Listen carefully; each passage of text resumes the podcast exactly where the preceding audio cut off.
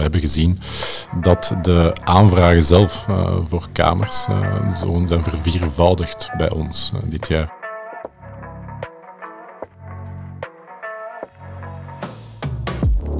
Vastgoedpraat, de podcast van CIB Vlaanderen.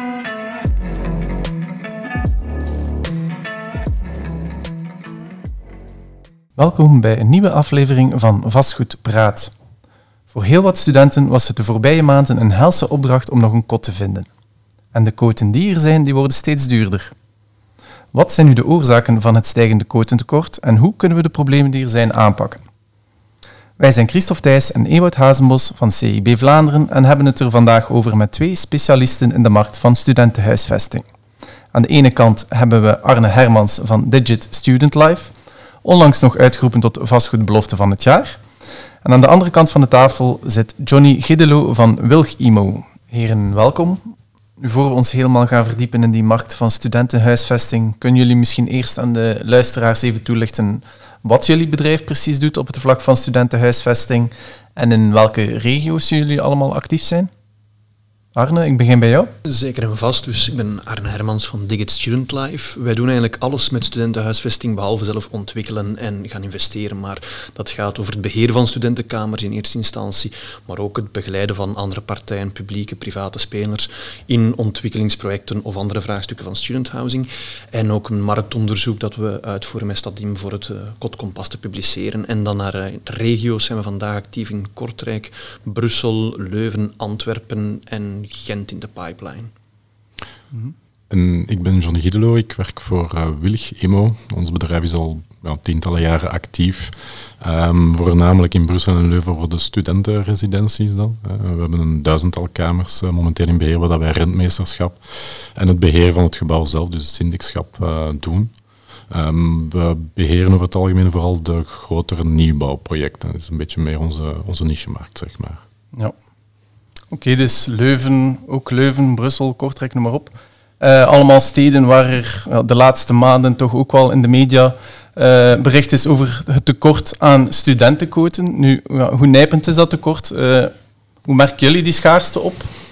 Wel, voor Leuven vooral is dat zeer, zeer nijpend. We hebben nu, um, ja, het is natuurlijk heel veel in de media geweest, ook in de lente, um, maar we hebben gezien dat de aanvragen zelf uh, voor kamers uh, zo zijn verviervoudigd bij ons uh, dit jaar. Dus het was een, een, een, toeloop die we ja, moeilijk konden voorspellen, zeg maar. We wisten wel dat het wel wat feller ging zijn, maar dat het zoveel ging zijn, ja, dat konden wij op voorhand zo bijna niet bepalen. Om het even te kaderen, wij um, lanceren eigenlijk meestal een paar weken voor de uh, verhuur. Een, uh, een mailtje dat we sturen naar alle kandidaat-huurders die ons gecontacteerd hebben. En dan maken wij gewacht van een bepaalde inbeldag dat we gaan hebben. En proberen dat zo'n beetje Tomorrowland-stijl zeg maar, op te bouwen. En uh, op dat inbelmoment, uh, dat is een vaste dag, vanaf een bepaald moment gaan de lijnen open, moeten mensen beginnen bellen. En meestal, ja goed, tegen nu of twee zijn we dan rond, zeg maar, zijn alle afspraken ingeboekt. En nu heeft dat geduurd tot de dag erna, twee uur, dat de mensen gestopt zijn met bellen. Dus er is echt heel veel, heel veel reclame rondgemaakt geweest, die wij zelf niet hebben gemaakt.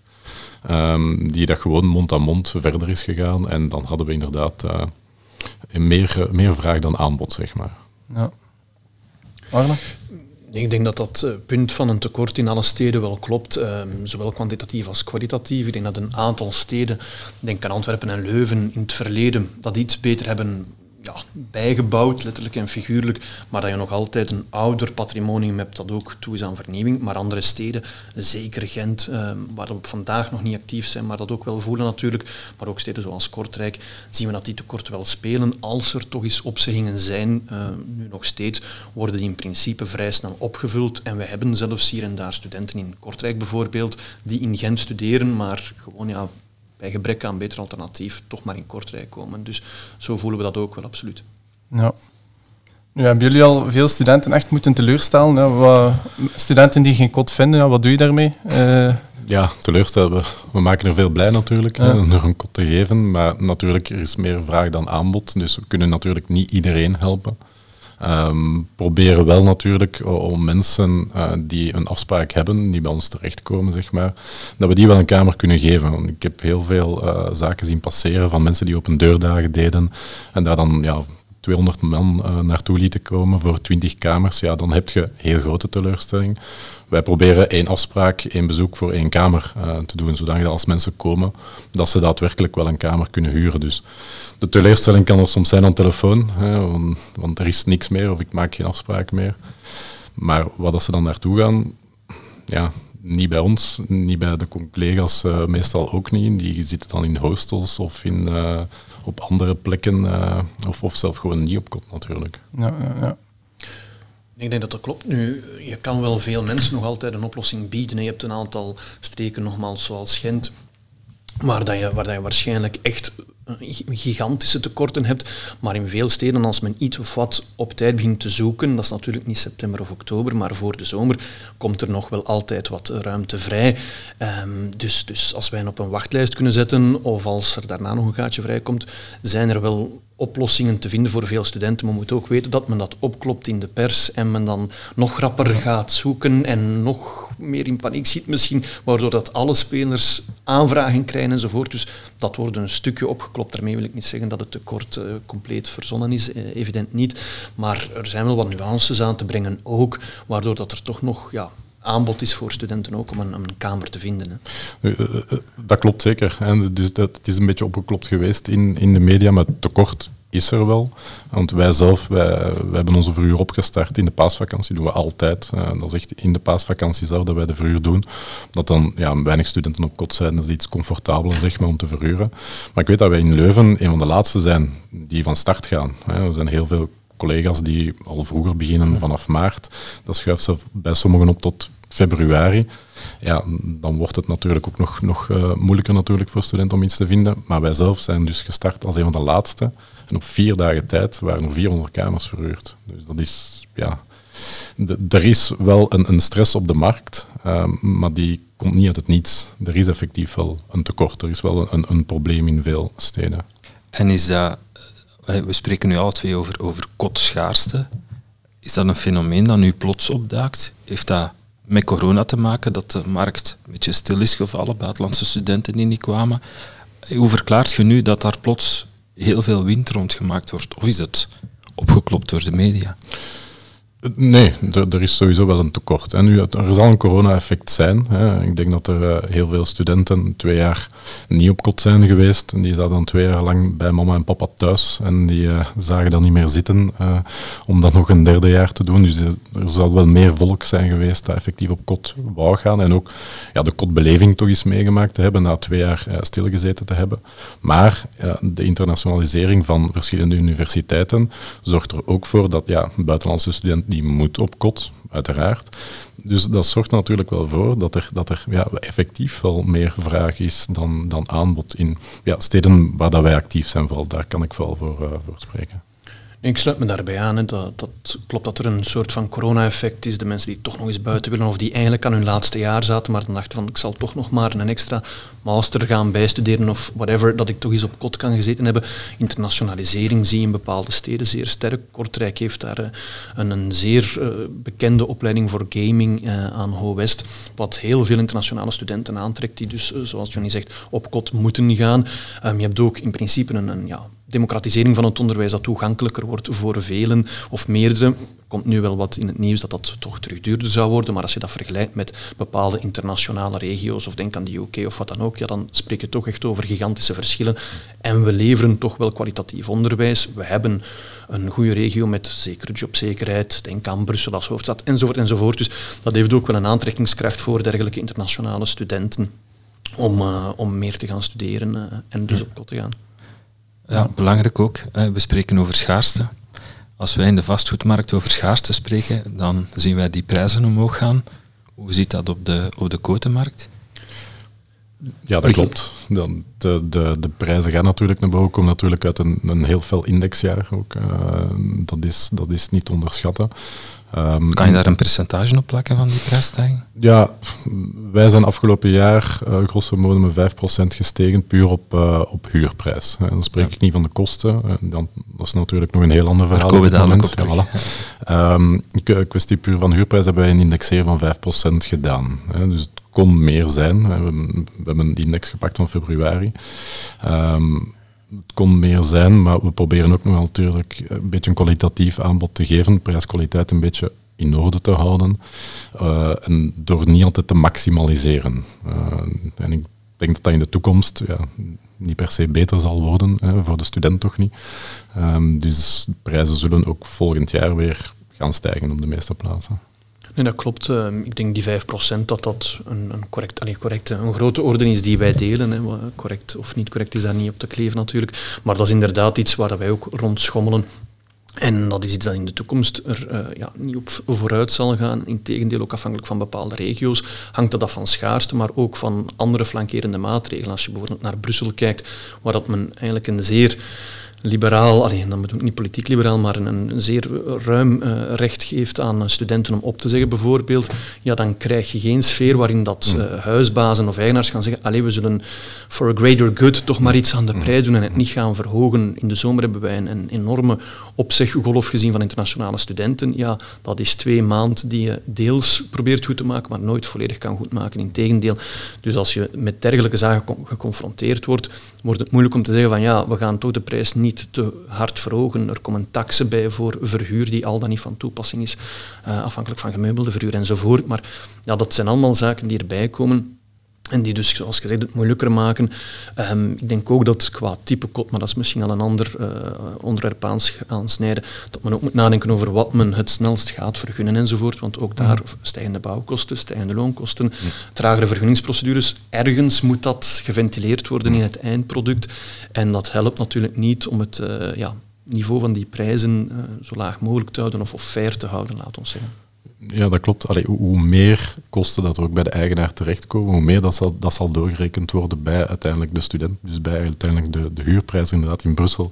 Er een nieuwe tax invoegen een bepaalde manier heeft men dat uh, uh, gewoon op een zeker moment beslist van we gaan een extra belasting erbij heffen. En dan heb ik heel veel eigenaars gehad die mij belden en zeiden van ja, moeten wij dat betalen? Ja, jammer genoeg wel. Oké, ja, dan zal ik eraan denken voor volgend jaar voor mijn huurprijs te verhogen. Want ja, mijn rendement moet natuurlijk wel hetzelfde blijven. En hoe meer dat die druk er komt bij een eigenaar of investeerder, hoe meer dat die druk zich verlegt natuurlijk bij, bij een huurder. Ja, dus het taxeren vanuit een stadsbestuur daar is uiteindelijk de, de, de studenten dupe van. Zeer Wat logisch is, hè? Ja, ja, ja, ik snap het ook. Uh, we hebben het gehad over uh, stijging huurprijs, um, indexering en dergelijke. Daar komt een hele grote aan, vermoed ik. Uh, met name de, de energieprijzen. Hoe gaan jullie daarmee om? Ja, zeg maar. Dat, ja, dat zal stijgen. Ik denk dat dat, ja, dat voor, voor, iedereen zal stijgen.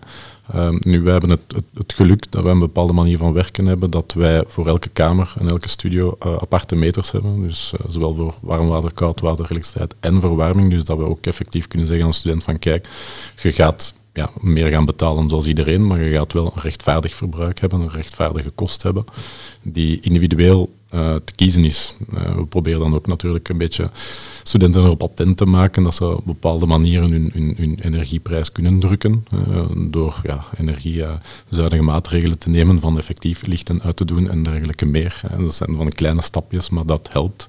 Gemeenschappelijke ruimtes, als dat niet gebruikt wordt voor warming afzetten en dergelijke meer, zo van die kleine zaken. Um, en daarnaast, ja, natuurlijk, als je nu een variabel contract gaat gaan hebben of je contracten lopen af, ja, dan gaat dat ook uh, in de korf van de student terechtkomen. Klopt. En je loopt nu ook een beetje achter de feiten aan, want vorig jaar zijn die prijzen al beginnen stijgen, maar had men een vast contract, laat ons zeggen bij de student, dat kan een fix forfait geweest zijn, maar ook een provisie. Die provisie kan je niet zomaar gaan verhogen. Wij hebben aan studenten gevraagd vorig jaar van kijk, denk eraan, beste uh, student, in september komt er een afrekening. Als jij vrijwillig je provisie wilt gaan verhogen, mag dat bijvoorbeeld, leg de spaarpotje aan, is vrijwel niet gebeurd. We zijn ook niet enorm van verschoten, maar dacht, ja, we kunnen maar mee sensibiliseren. Wat we ook doen met posters. Je hebt in Brussel posters van Brik bijvoorbeeld, hangen wij uit. We zullen nu ook van die tips mee gaan geven, zoals dat Johnny zegt, van ja, dat begint ook een stukje bij jezelf. Uh, sommigen zeggen, ah, hoe kan dat verbruik nu zo hoog zijn, maar naar met drie schermen, drie servers en weet ik veel hoeveel uh, uh, IT-spulletjes, zal ik zeggen, die ik al niet meer begrijp waarschijnlijk. Maar, dus, dus dat verbruikt ook wel iets, dus daar proberen we ook op te drukken. En anderzijds zal die kost, zeker als het een provisie is, nu ook worden verhoogd. Alleen bij een forfait ook evident. Maar dat is opnieuw iets waar dat je vorig jaar aan dacht voor het komende academiejaar in, laten we zeggen, maart, april. Mm-hmm. Dan ga je die prijzen eigenlijk voorzien voor nieuwe contracten die worden nu toegepast, maar de wereld ziet er weer al een beetje anders uit. Dus nu is dat weer kijken van ja, hoe gaan we daarmee om voor misschien het volgende jaar of het volgende semester. Ga je misschien tussentijdse afrekeningen gaan, uh, gaan invoeren, hè, wat we normaal maar één keer per jaar doen. Dat is ook een hele hoop werk dat daar komt bekijken. Dus dat is niet allemaal zo vanzelfsprekend, maar dat dat hoog op de agenda staat bij uh, operatoren, eigenaars enzovoort, dat uh, spreekt voor zich. Hij staat ook hoog op de agenda bij de studenten? Of zijn ze zich daar niet van bewust. Wat is mama en papa die vaak het kot betaalt, denk ik dan? Ja, je hebt natuurlijk een, een, deel van de studenten dat daar niet bij stilstaat. Die, die niet stilstaan bij de huurprijs, die niet stilstaan bij, bij al die zaken. Dat is allemaal ver van hun bedshow. Maar we zien toch wel meer en meer studenten die zich daar ook wel vragen over stellen. Ik heb uh, gisteren nog een mailtje gehad van een student die mij vroeg van, zeg, eh, hebben jullie eigenlijk voor dat gebouw een variabel contract of een vast contract? Ja. Dan, dus soms zijn er wel studenten die dat zich effectief... Ja. Uh, ik kan me voorstellen dat er ook studenten zijn met minder kapitaalkrachtige ouders, die zoals vroeger eh, de meesten, of toch heel wat mensen, die er via een studentenjob zelf een kot eh, financierden. Uh, niet iedereen heeft kapitaalkrachtige ouders, dus ik kan me inderdaad voorstellen dat sommigen daar effectief al mee, mee bezig zijn. Absoluut, en die grens schuift ook op. Hè. Dat is ook een signaal dat je hoort bij de VVS. Als men praat over de studenten of ouders die het moeilijk hebben. Vroeger was dat, laten we zeggen, mensen die echt moesten sukkelen om rond te komen, om het zo uit te drukken. Ja, die grens van waar ligt uh, uh, het kantelpunt om rond te komen, stijgt ook een beetje. Hè. Zelfs een modaal gezin zal vandaag wel een keer twee keer nadenken voordat ze het raam laten openstaan en, en de chauffage openzetten enzovoort. Dus hopelijk zijpelt dat toch wat door naar de studenten ook. Ja, um, ja die betaalbaarheid, in hoeverre hangt die ook uh, samen met, de, met die verschuiving van het aanbod, uh, denk dat er de laatste jaren meer en meer luxueuzere complexen door grotere spelers zijn gebouwd. Uh, vroeger had je vooral die, ja, die, de klassieke quoteverhuurders in het midden van de stad, rijwoning. gaan die er stilaan meer en meer van tussenuit, die minder kwalitatieve woningen, waardoor dat dan ook het, de prijs omhoog gaat, omdat je in luxueuzere voorzieningen terechtkomt?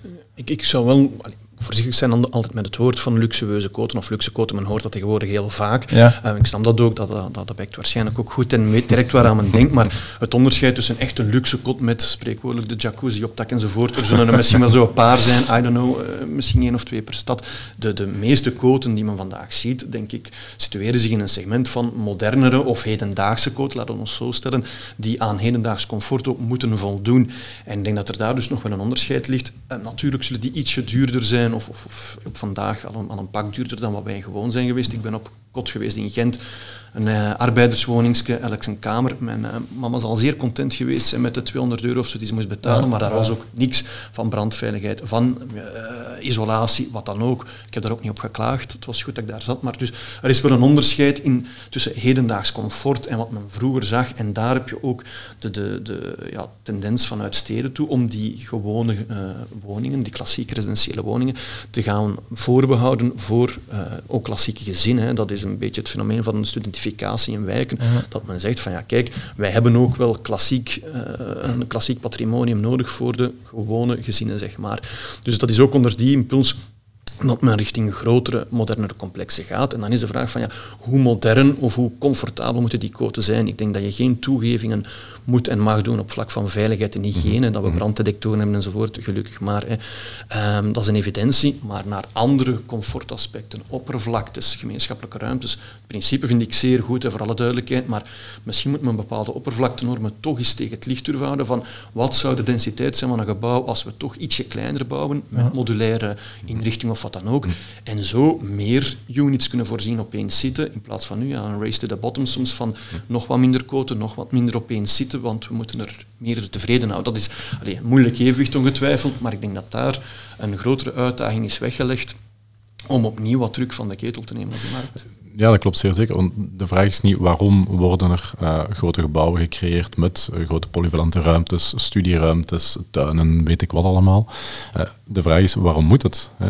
ontwikkelaars zijn gewoon verplicht om bepaalde zaken te integreren. We zijn in gesprek met een bepaalde ontwikkelaar die een, die gebouw gaat zetten in Brussel om zijn goedkeuring te krijgen om het te zetten. Zijn daar x aantal studieruimtes moeten geplaatst worden in dat gebouw. Een studieruimte is niet per se noodzakelijk. Hè. Dat, is, dat, is, dat, niet iets dat bijdraagt tot de veiligheid of, of iets dergelijks. Maar door studieruimtes te creëren heb je dan x aantal kamers die verdwijnen uh, uit dat gebouw, wat dan natuurlijk ervoor zorgt dat er x aantal kamers minder beschikbaar zijn op dat moment. Dus ja, het hangt er ook een beetje vanaf wat het beleid of wat de overheid wil bereiken natuurlijk met die eisen van comfort, of luxe zoals dat dan uh, soms mhm. wordt genoemd, uh, om die misschien een beetje te verzwakken uh, en te kijken van oké, veilig moet het zijn, um, maar basiscomfort is, is, is ook voldoende voor sommige mensen. En dan kan die prijs ook wel een beetje gedrukt worden voor sommige kandidaathuurders. Ja, dus de reglementering, reglementering sorry, ligt nu eigenlijk pak ja, te, te hoog. Ja, absoluut. absoluut. We hebben een, een, een, klein gebouwtje dat wij beheren in, in Leuven. Um, waar uh, dienst uh, langs is geweest. Dat is iets dat zij doen uh, op, op, tien jaar, dat was de ambitie toch. zal ze overal een keer langskomen te kijken van is alles in orde qua veiligheid en dergelijke meer. En daar is dan geconstateerd geweest dat daar twee studio's te klein waren volgens de regelgeving. Hè, dus die geen 18 vierkante meter waren. Um, ja, dus de conclusie was daarvan, kijk, mag niet meer verhuurd worden. Dus voor die eigenaar, zeer prettig, die, die verhuurt al 25 jaar zijn, zijn studio's aan een respectabele prijs, want het zijn iets kleinere uh, studio's. Ja, die vroeg aan mij van, ja, wat moet ik hier nu mee aanvangen? Moet ik dat verkopen? Ik zeg, ja, verkopen, dat heeft geen nut, want dat heeft nul waarde. Dat is een berging geworden, want je kunt het niet verhuren. Dus conclusie is, die twee units gaan samengevoegd worden naar één grotere studio, maar natuurlijk met een veel hogere prijs. En dat is een beetje ja, het gevolg natuurlijk van ja, die regelgeving zo streng te maken, dat de goedkope kamers er eigenlijk van tussenuit gaan. En dat is, dat is een heel jammerlijke uh, evolutie, vind ik zelf. Ja, nee, klopt. Ja, daar even op inpikkend, want jullie zijn specialisten in verschillende steden. Ik hoor dat een paar keer vallen. Is er qua beleid verschil tussen steden? Ja, zijn er steden waar je van zegt van ja, die hebben daar echt oog voor, die, eh, daar, die uh, denken mee met, met, met wat de student wil? Of? Absoluut. Ik denk dat intussen wel elke stad zover is om daar een beleid op los te laten. De kleinere steden hebben het misschien ook ietsje gemakkelijker om dat te overzien, omdat de kader, ik kan begrijpen dat Leuven, waar dat de helft van de inwoners mhm. studenten zijn, ja, dan is al een heel andere manier van daarmee om te gaan, dan wanneer dat, dat een, een minimum is of een, een kleiner uh, aandeel in, in, de bevolking, laten we zeggen. Kortrijk bijvoorbeeld volgt dat al heel lang op met echt uh, eenvoudigweg bouwstops, om te zeggen van en nu komt er niks meer bij, dan kan je de discussie voor, ja, dwing je dan eigenaars om up-to-date te blijven enzovoort. Dat is, dat is een debat dat je kan voeren. Maar ze kijken er wel heel goed naar, vind ik persoonlijk, om dat te monitoren, om wat bij te laten enzovoort. Dus er is alleszins heel aandacht voor. Nogmaals, in grotere steden, zoals Gent bijvoorbeeld, waar je ook die klassieke woningmarkt moet monitoren met hogere prijzen. Ja, ik snap dat daar een heel andere dynamiek leeft. Ze kijken er allemaal naar, daar, daar ben ik zeker van, maar ze hebben er ook allemaal een andere visie op, eh, als de visie er overal al is. Maar, maar nogmaals, ik denk dat de meesten daar echt wel aandacht aan, aan besteden. In Antwerpen heb je dat al lang gezien, dat men daar in zones werkt van hier willen we nog koten bij, daar niet. Maar men heeft wel gekozen voor een mix. Ik heb de indruk dat men in Gent misschien wat meer grotere projecten ambieert ook. Dus verschillend van stad tot stad en opnieuw bepaalde normen dat men gaat opleggen, oppervlaktenormen of wat dan ook, kwaliteitslabels enzovoort, die verschillen zeker van stad tot stad soms ook Zou dat niet normaler zijn, moest dat op Vlaams niveau beslist worden? Dat elke stad, dat elke stad weet ja, wat ja. dat ze aan het doen zijn? Ja, nu, natuurlijk, elke stad heeft zijn eigen uh, problematieken. Hè, zoals uh, ook aangehaald, van, ja, uh, in Leuven zit je met andere problemen dan bij wijze van spreken in Kortrijk. Hè. Um, dus het lijkt mij minder nuttig om in Kortrijk enkel gebouwen van plus 150 studenten toe te staan, hè, omdat dat gewoon niet past in dat geheel. Dus ja, er kan op Vlaams niveau een bepaalde richtlijn zijn, die zijn er ook wel op, een bepaald punt. Maar de, de, de fine-tuning moet wel nog altijd lokaal, gebeuren. Ik heb soms de indruk dat er een, een gebrek aan lange termijnvisie heerst binnen bepaalde steden. Ik heb de cijfers gezien. Gent op 20 jaar tijd, 38.000 studenten erbij. Uh, aantal quoten met 3.800 toegenomen. Mhm. Dan denkt het toch van iets te laat in gang geschoten, denk ik dan. Ja, vooral als je weet hoe lang het duurt om een gebouw te zetten. hoe, hoe, lang duurt dat? dus dat, dat, dat duurt wel even. Dat is uh, met een bepaalde ontwikkelaar in, in gesprek. En nu zijn de vergunningen rond voor een bepaald project te starten. En dat, is, dat heeft drie jaar geduurd. Dus ja. uh, dat is gewoon vergunningsfase. Hè. Dan, ja. Ja, ik denk dat een correcte indicatie is. En ik, ben zelf dus geen ontwikkelaar, maar van wat we horen, denk ik, uh, kunnen, we, kunnen we er een beetje van meepraten. En ik denk dat iets van vijf jaar of zo niet bij de haren getrokken is om te zeggen van wij kopen een grond en voilà, de sleutel zit erop en soms zal het ongetwijfeld nog langer duren. Ik denk ook, ja, je kan niet alles voorzien en ik ga niet zeggen dat het simpel is. Je hebt nogmaals de belangen van studenten, maar ook die van ja, klassieke residentiële markt, economische aspecten enzovoort. Dus ik snap dat dat moeilijk is om dat in evenwicht te brengen, maar ik denk wel dat als men een bepaalde nood erkent, men zegt van we willen daar wel voor gaan, dat het nog wel heel lang blijft duren om te zeggen van ja, en nu raakt zo'n project vergund en goedgekeurd enzovoort. Ik vind dat moeilijk om, om te vatten soms dat, dat zo lang duurt. En daar zie ik wel een probleem. Men weet nu dat, dat er zo'n noodzaak is, dat weet men al een paar jaren. Dus dan zijn er toch hier en daar maatregelen die je sneller zou moeten kunnen laten implementeerd worden.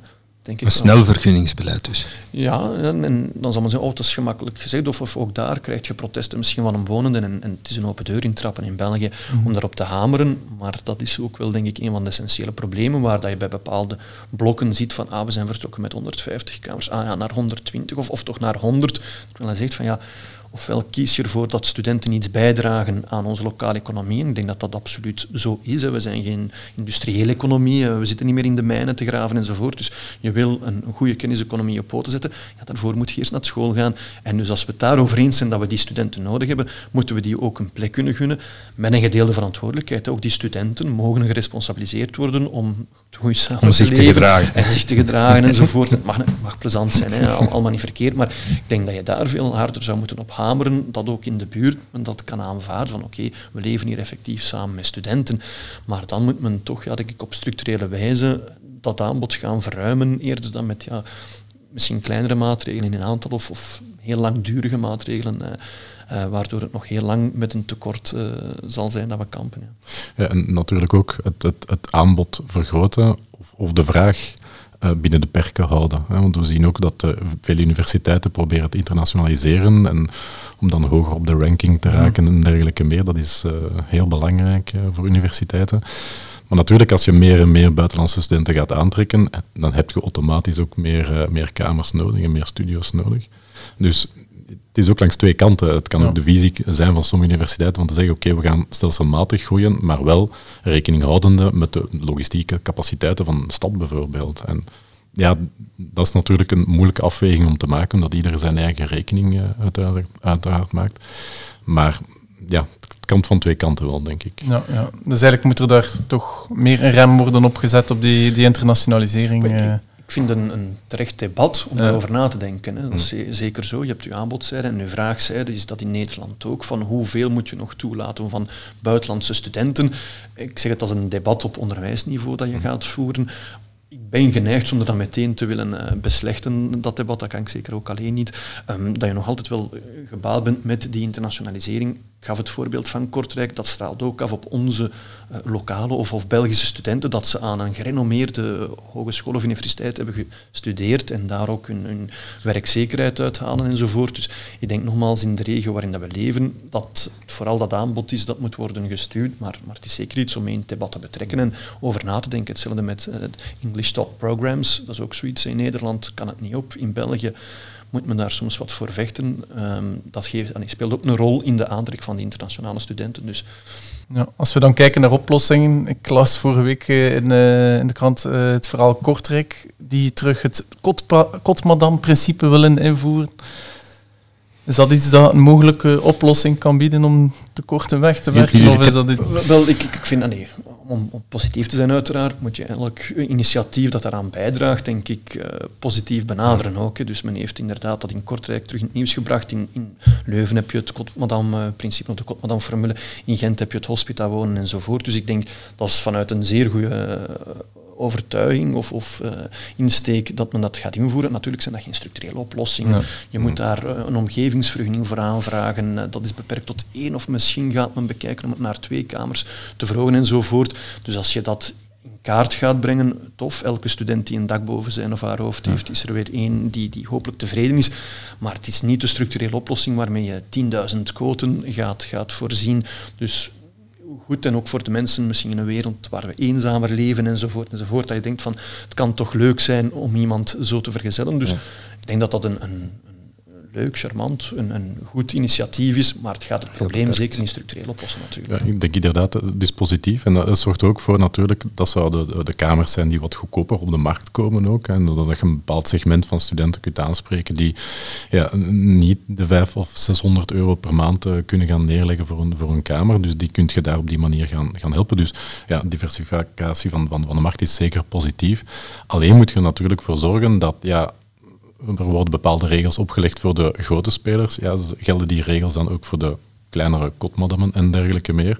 Eh, moet zo'n kotmadam ervoor zorgen dat je twee vluchtwegen hebt, dat je een brandcentrale hebt en dergelijke meer. Ja, dan haken die automatisch af. Dat is ook de reden waarom dat er heel veel kleine verhuurders, kleine ja, mensen die twee, drie kamers hadden, dat ermee gestopt zijn. Hè, omdat er allemaal meer reglementering rondkwam, dat er absoluut een lavabo op de kamer moest zijn met warm water. Dat was een verplichting. Hè. En, uh, dan, dan vraagt je af van ja, die mensen gaan natuurlijk die investeringen niet gaan doen. En dan zet je die ook uit de markt. Hè. Dus het is, het is vooral een, een, een verlaging van, uh, van, van, van dat luxe segment, zeg maar, van, van die eisen daaromtrent dat zou er natuurlijk voor zorgen dat die mensen natuurlijk ook weer een plaats hebben om te gaan verhuren. En dat die studenten dat daarvoor geschikt zijn, eh, ook een plaats hebben om daar te kunnen gaan huren. Ja.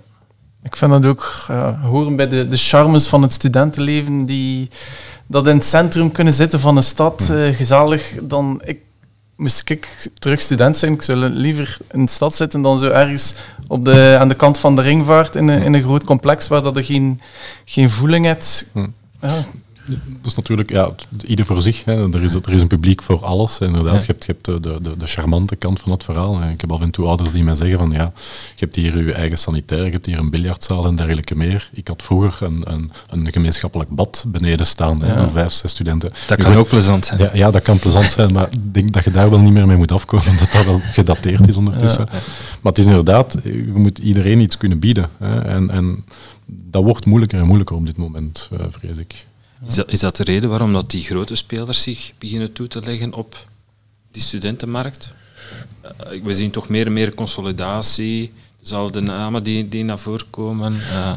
Zeker en vast. Natuurlijk, er zijn een aantal aspecten zoals het moeilijker worden van de markt, om het zo te zeggen, op regelgevend vlak. Om, om aan eisen te voldoen, moet je ook wel een, een team hebben, laten ons zeggen, dat dat mee kan opvolgen. Hè. Gewoon vroeger de, de gepensioneerde slager, om type mhm. voorbeeld te nemen, die zegt van, al gaan we laagste verf en voilà, ik heb hier een studentenpand gerealiseerd. Dat volstaat ook niet meer. Je hebt ook meer aandacht vanuit investeerders, vanuit ontwikkelaars, omdat dat een rendabele niche werd. Hè. Als je naar institutioneel niveau bekijkt, had je vroeger klassieke uh, asset classes, laten we logistiek, residentieel, kantorenmarkt enzovoort. Ja. ja, die rendementen drogen daar een beetje op, dus men zoekt naar betere rendementen, misschien in der tijd wat meer risico. En dat krijgt dan ook aandacht van mensen, mensen die daarvoor openstaan. En van zodra die spelers, zoals Xior, Upcot enzovoort, meer naar de voorgrond zijn getreden, is dat natuurlijk een, uh, ja, een golf die is aangezwengeld geweest uh, in de voorbije jaren. Enorm, waar dat je dus ook opnieuw die yields uh, ziet talen, hè, naarmate dat die markt een beetje matuurder wordt. Maar ik denk dat dat ja, allemaal aspecten zijn die meespelen. Men wil ook grotere gebouwen en die, die charmante lokale huisjes. Tuurlijk is dat tof. En, en veel van de ouders die een kot bezoeken zeggen van in onze tijd, het was zo en zo, maar allee, ze kiezen dan toch voor het gebouw waar en wat meer privacy van sanitair en wat meer ja, modern comfort aanwezig is. Dus, dus dat speelt ook allemaal mee, maar ik denk dat die golf van consolidatie en professionalisering sowieso is ingezet en mee wordt gestuurd, ik zeg het vanuit investeerderszijde, vanuit overheden die daar meer aandacht voor hebben ook. Hoe zien jullie de toekomst van uh, het studentenquotenlandschap, om het zo uit te drukken? Positief voor de investeerders. dat, is, dat, is, sowieso. Dat wil zeggen minder positief voor de student. Ja, ja, ja langs, langs beide richtingen een beetje. Hè. Dus het is sowieso een, een, markt die, die zal blijven bestaan. Mensen gaan altijd blijven studeren. Uh, en, en dus, dus de, de, de kamermarkt gaat er blijven. Hè. Um, dus de kwestie van investering is dat zeker positief. kwestie voor de student, ja, hangt het er een beetje vanaf wat het beleid verder gaat, gaat gaan doen. Hè. Die prijzen gaan effectief stijgen, gaan blijven stijgen. En ja, ik, ik haalde daar straks al het voorbeeld aan van 550, 600 euro per maand. Ja, als je dan drie kinderen op kop hebt, dat wordt moeilijker en moeilijker natuurlijk voor, voor mensen om dat vol te houden. Voor iets voor de happy few, voor de, ja, dat, de studenten met kapitaalkrachtige ouders. En, allee, ja, en, en, dan moeten we natuurlijk gaan oppassen dat we niet in, in, in de situatie komen waarbij dat opkot gaan effectief iets is voor de happy few en, en voor de ja, gegoede middenklasse, uh, zelf uh, lichtjes erboven misschien. Uh, maar dat dan op een gegeven moment ook studeren iets enkel wordt voor, voor dat segment van de bevolking. En dat is, dat, dat vind ik dan persoonlijk wel, een gevaarlijk, uh, gevaarlijke evolutie. Nee, ik, ik, sowieso wel positief uh, ingesteld zijn ook. Dus dat, het zal sowieso niet saai worden. Er is genoeg werk. Ik geloof ook niet dat de markt ten dode opgeschreven is. Dat was een, een, signaal dat we twee, drie jaar geleden, nog toen dat we niemand wist wat corona was, anders dan een pintje, uh, dachten van, allee, kot gaat dat wel blijven duren. En tegenwoordig online en zo. Je gaat dan MOOCs en uh, van massive online offered courses enzovoort. Het gaat, ik zie dat wel verdwijnen, bij wijze van spreken. Ik niet, hè, voor alle duidelijkheid. En dan had je daar corona en ja, was iedereen aan het smeken van mogen we terug op kot en uit ons kot komen thuis enzovoort. Dus uh, als er dan één positief ding geweest is aan die voorbije twee jaar, laat ons zeggen, dan is het het bewijs dat men nog altijd graag op kot gaat en dat die markt dus nog een bright future ahead heeft, laat ons zeggen. Of dat het vandaag uh, unisono positief is voor de investeerder, uh, dat weet ik niet. Als je op de beurs in studentenaandelen belegt bij één speler, dan zullen vandaag misschien ietsje minder tevreden zijn met uw, uw belegging, maar bon, dat is ook maar een momentopname misschien. Um, en anderzijds, ja, mensen, ontwikkelaars die projecten in de pipeline hebben en die moeten vermarkten aan bepaalde prijzen, ja, die gaan toch ook eens, denk ik, uh, in de haren krabben met de huidige kostprijs om zoiets te realiseren. En je kan zeggen van, ik reken dat wel door, maar uiteindelijk, ja, de huurprijs we hebben het gesprek ermee begonnen, we verhogen dat wel en dat zal blijven verhogen, maar dat is ook niet oneindig. Dus dat rendement gaan bestendigen in de toekomst is wel geen evidentie, denk ik. En ik denk dat ja, heel, heel veel soelaas uh, geboden zal worden door een verruimd aanbod met opnieuw uh, doordachte kwaliteitsnormen. Um, en, en zo hopelijk die druk van de ketel te halen.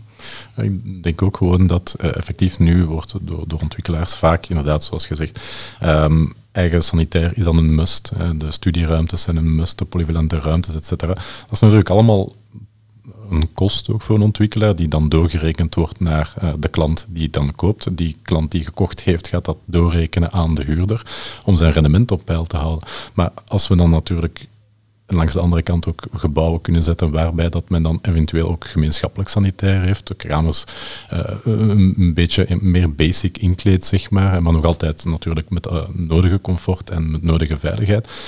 Kan het rendement hetzelfde blijven, maar voor een lagere aankoopprijs en een lagere huurprijs dan ook. Dus als we in die richting evolueren, dan heb je ook weer al ja, meer keuzemogelijkheden voor de studenten. En uh, ja, dat zou natuurlijk de markt ook ten goede komen.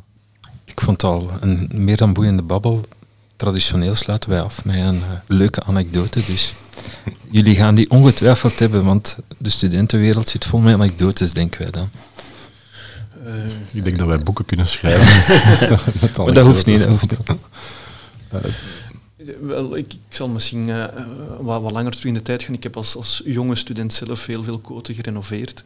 Um, zo is eigenlijk de liefde een beetje begonnen. Dat was wat, wat ik daarnet zei, de gepensioneerde, het was dan geen slager, het was een gepensioneerde leerkracht, maar het principe was hetzelfde van, we gaan dat eens uh, zelf ineensteken. Ze staan er nog, dus het zal wel meegevallen zijn. Dan herinner ik me wel nog dat ik als, als ijverige student elektriciteit ging leggen en vroeg van, zette zeker dat de af, afstond? En zei men, ja, ja, is dat af. Maar dat was niet zo en waarschijnlijk ben ik zo uh, gebrainwashed of geschokt voor een, een passie in studentenhuisvesting. Misschien is daar ontstaan. Ja. Ja, als ik dan een anekdote die me nu voor de geest komt, was uh, tijdens de coronaperiode, ja, was heel moeilijk voor studenten. Um, waarbij op een gegeven moment was er ook de, de regelgeving dat de gemeenschappelijke keuken bijvoorbeeld enkel mocht gebruikt worden op hetzelfde moment door de helft van de personen die toegang had tot die keuken. Ja, er zijn een, vele lijsten geweest van regels, dat, dat uh, was er één van. Nu goed, um, studenten natuurlijk van dezelfde gang wouden samen, zoals dat hoort, uh, een keer gezellig iets drinken en feestje vieren en dergelijke meer. En kwamen ze naar mij van, ja, hoe kunnen we, dat oplossen? Ik zeg, ja, dat is nu de regelgeving, probeer er een beetje creatief mee om te springen, dan, dan vind je wel een oplossing. En uiteindelijk hebben ze de oplossing gemaakt door een, een, een, een geluidsinstallatie te zetten in de gang en elk in hun deur te gaan staan hè, en dan muziek op te zetten en ja, iets te drinken en zo, in het zicht van elkaar, maar wel in de eigen deuropening. En dat was dan een zeer uitbundig feestje geworden, maar volledig coronaproof. En dat bewijst de vindingrijkheid ook van de studenten natuurlijk. Absoluut. Mooi. Heren, bedankt voor, uh, voor de leuke babbel. Zeer graag. En aan de luisteraars, wij horen elkaar binnenkort terug voor een volgende editie van Vastgoedpraat. Tot ziens. Thank you.